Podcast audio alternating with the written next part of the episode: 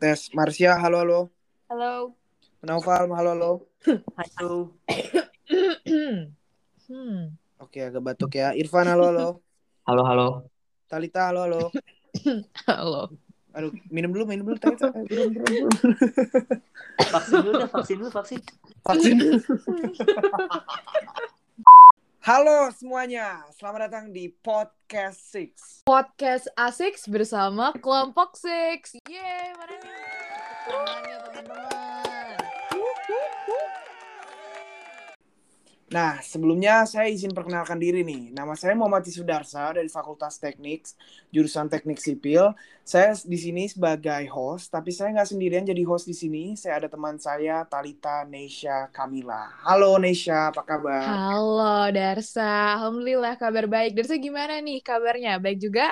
Baik, baik, baik banget. Alhamdulillah sehat-sehat ya. Oke, langsung aja kali ya aku perkenalan diri dulu. Perkenalkan, nama aku Talita Nisa Kamila, biasa dipanggil Nisa. Aku dari Fakultas Ekonomi Bisnis, jurusan akuntansi. Nah, di sini kami sebagai host dalam podcast Gandaran Nusantara akan membawakan tema mengenai eksistensi bahasa daerah di era globalisasi. Nah, tapi kita nggak cuma berdua nih, Dar. Bener gak sih? Ada siapa lagi sih bintang tamunya hari ini?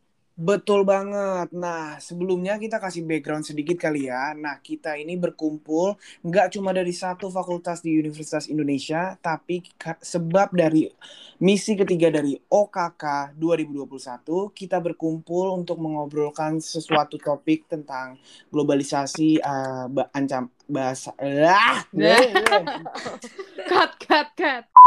Nah, betul banget nih. Kita nggak cuma berdua, tapi kita kehadiran ada Irfan Putra dari Fakultas Hukum. Kita juga kehadiran Ibu Dokter, Bu Marsia dari Fakultas Kedokteran tentunya. Dan terakhir ada Sobat Teknik saya, Bung Naufal Muzaki. Halo semua, apa kabar? Halo, Halo semua. Baik. Baik, baik. Oke, halo Marsia, Irfan, dan juga Naufal. Wah, keren banget nih, Dar.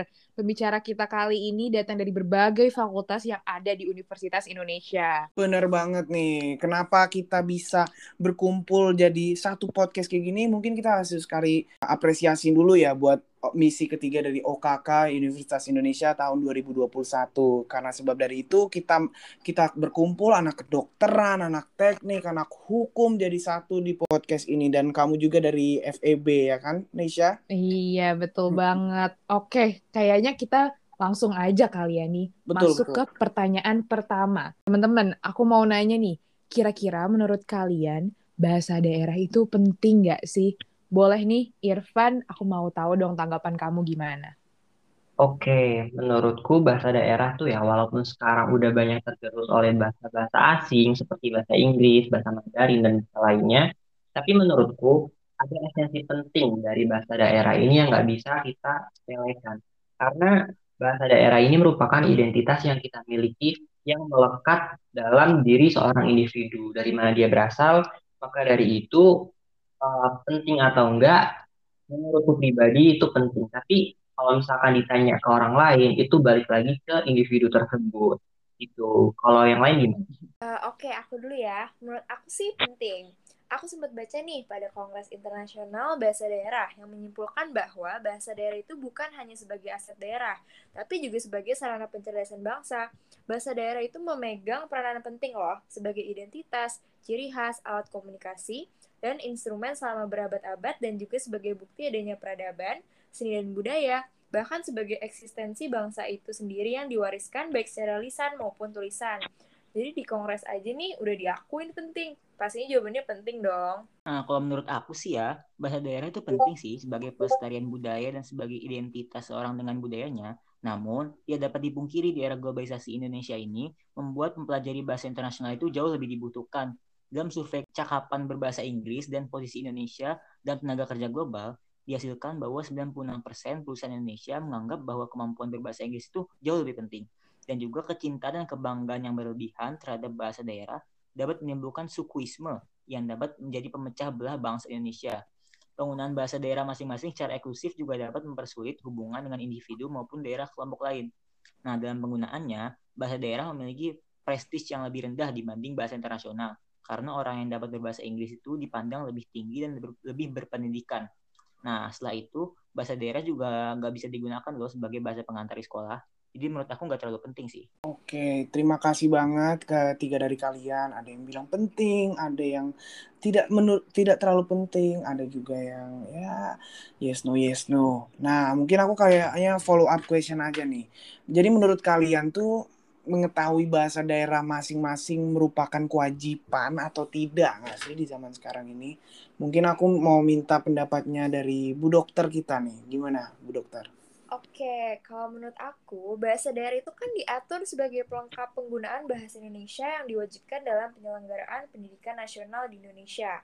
Jadi aku anjurkan bagi orang tua untuk membiasakan berkomunikasi dan belajar bahasa daerah dengan anaknya. Gak perlu khawatir nih kalau misal anaknya nggak bisa berbahasa Indonesia karena dibiasakan bahasa daerah.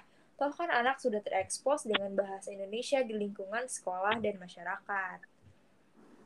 Loh, loh, menurutku malah nggak wajib sama sekali ya. Karena menurut aku, bahasa itu lebih baik digunakan hanya sebagai media komunikasi. Ketika dalam suatu masyarakat bahasa tersebut tidak relevan lagi untuk digunakan, maka apalagi alasan kita untuk mempertahankan bahasa tersebut? Kita harus menjadi masyarakat yang lebih adaptif loh. Saya sepakat bahwa bahasa daerah merupakan bentuk identitas dari seorang individu. Akan tetapi kembali pada hak individu itu masing-masing, apakah dia mau melestarikan atau tidak. Kita tidak bisa memaksa seseorang untuk wajib memahami bahasa daerahnya perlu kita sadari bahwa bahasa itu berjalan lurus dengan lingkungannya. Ketika lingkungan tersebut sudah tidak bisa mengakomodasi bahasanya, maka bukan salah bukan salah individu tersebut ketika tidak bisa memahami bahasa tersebut. Oke, kalau menurutku pribadi nih, untuk sebagian orang memang bahasa daerah itu merupakan suatu hal yang sakral dan penting. Tapi bagi sebagian yang lain, mereka tuh menganggap bahwa bahasa daerah itu udah nggak relevan lagi, terutama orang-orang yang tinggal di perkotaan. Tapi kalau misalkan menurut aku pribadi, kalau misalkan apakah wajib orang itu tahu bahasa daerahnya atau enggak itu dikembalikan lagi kepada masing-masing individu karena kita eh, kita nggak bisa nih memaksakan kehendak kita kepada orang lain kita nggak bisa memaksakan mereka untuk menggunakan bahasa daerah gitu oke wah dari pembahasan barusan variatif sekali ya jawabannya kita bisa mendengar banyak perspektif yang berbeda-beda nih oke kayaknya kita lanjut ke pertanyaan ketiga untuk teman-teman semua. Jadi menurut kalian nih dampak dari kehilangan bahasa daerah tuh apa sih? Ada nggak sih dampak kehilangan bahasa daerah? Boleh Irfan mungkin mau menjawab? Oke, kalau misalkan suatu bahasa punah atau hilang atau tergerus oleh zaman, efek yang ditimbulkan itu sangat-sangat besar. Kenapa? Karena produk bahasa yang dihasilkan itu seperti karya tulis, seperti ungkapan-ungkapan, nilai-nilai dan segala macam yang berhubungan sama bahasa itu itu akan hilang.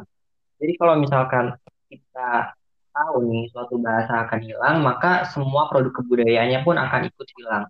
Nah, tapi di sisi lain ada nih orang yang beranggapan bahwa hilangnya suatu bahasa itu merupakan suatu kepastian karena dengan adanya globalisasi kita tuh menuju ke satu arah yang pasti gitu. Kita akan menggunakan bahasa yang digunakan oleh masyarakat seluruh dunia.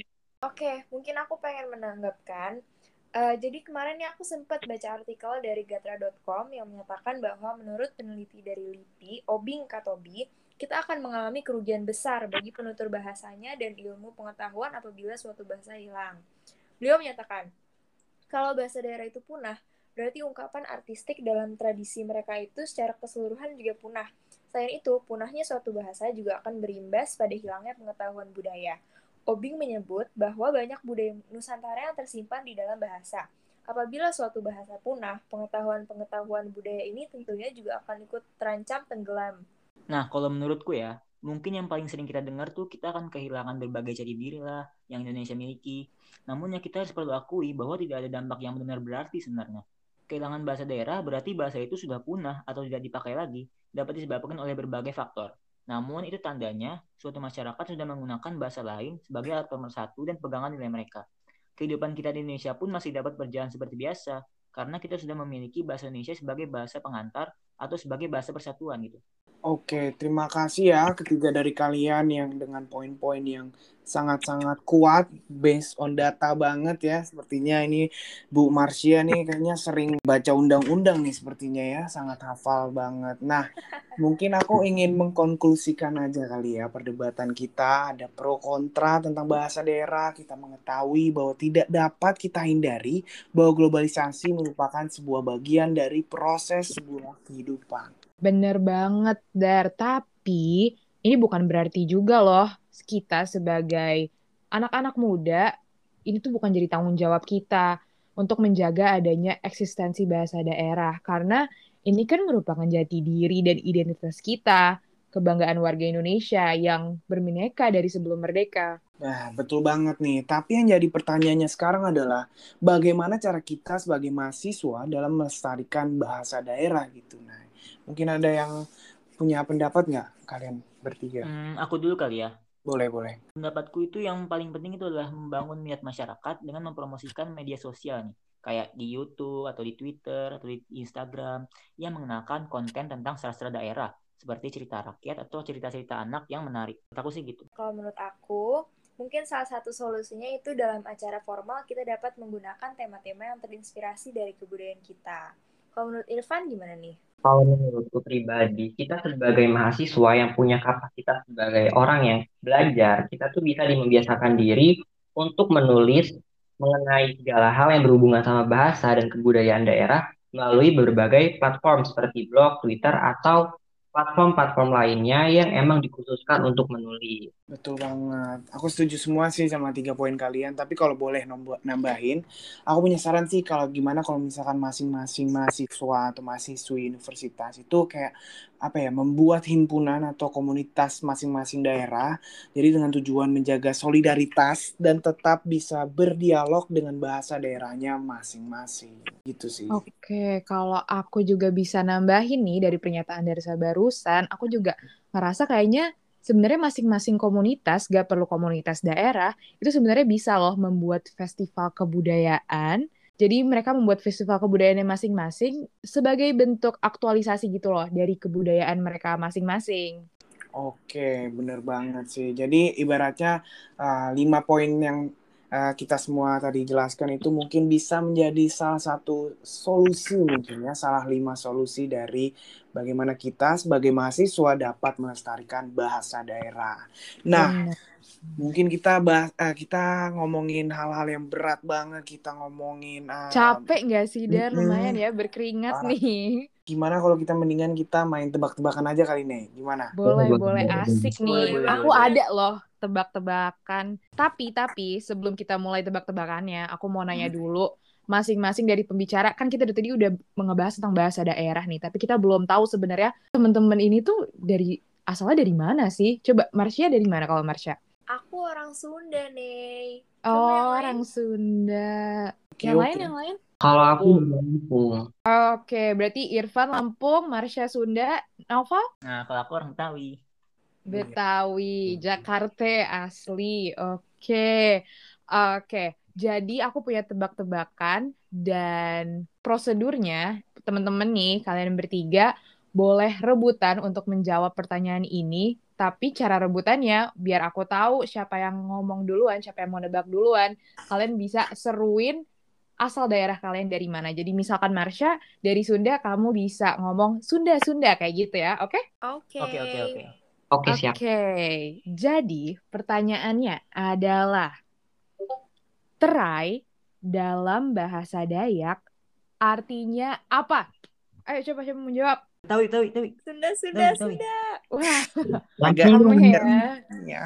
Kira-kira siapa nih dari yang paling pertama Tadi sih aku dengar kayak Betawi ya. Aku sih tadi dengar pertamanya sih Bu Dokter ya, tapi hey. karena dia yang pertama jadi kita alihkan ke Bung Naufal Muzaki okay. karena dia satu fakultas sama gue. Oh iya Wah, Wah, agak pilih kasih ini ya.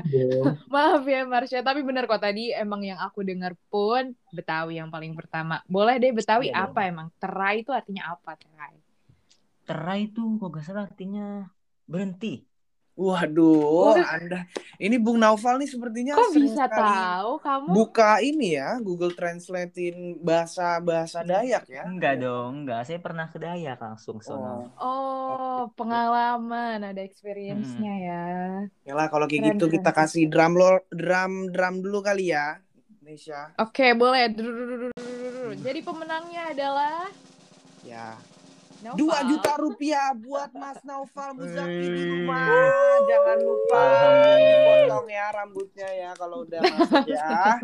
Aduh. Okay. Nah, Jangan mungkin dong. ini kita ngerasa asik sendiri nih. Kita yang ngomong-ngomong doang nih yang asik nih. Mungkin kita ngajak juga kali ya. Kita ngasih nanya pertanyaan juga kali ya buat uh, orang-orang di rumah yang mau ngasih komentar mungkin nanti jawabnya. Mungkin sekarang kita ngasih pertanyaan kedua, tapi ini untuk orang-orang yang akan menjawabnya di kolom komentar kali ya Nesha ya. Iya untuk para pendengar ya nggak? Hmm. Nah, sama juga, eh, tapi ini bedanya kita nebak bahasa. Bahasa manakah kalimat yang akan aku sebutkan? Yaitu kalimatnya adalah Tiang Tresna Ajak Adi. Nah, kalian bisa banget nih, kalian kalian komen di kolom komentar. Dengan habislah games kita, terima kasih banyak, apresiasi sebesar-besarnya untuk para ketiga pembicara kita yang sudah mau berbagi pikiran tentang eksistensi bahasa daerah di era globalisasi ini. Nah, dari pembicaraan tadi, kita bisa ambil sisi positifnya dan buang sisi negatifnya ya. Dan untuk para pendengar juga, boleh banget nih untuk memberi komentar kalau punya pendapat yang berbeda dari pembicara-pembicara tadi, atau kalau mau menjawab pertanyaan yang tadi Darso sudah kasih. Betul banget. Mungkin sampai sini dulu kali ya podcast kali ini ya Neisa ya. Iya, betul sekali. Oke. Saya Neisa, Nama saya Darsa. kami selaku host, Pamit pamit undur undur diri. Yeay. Untuk tangan teman-teman.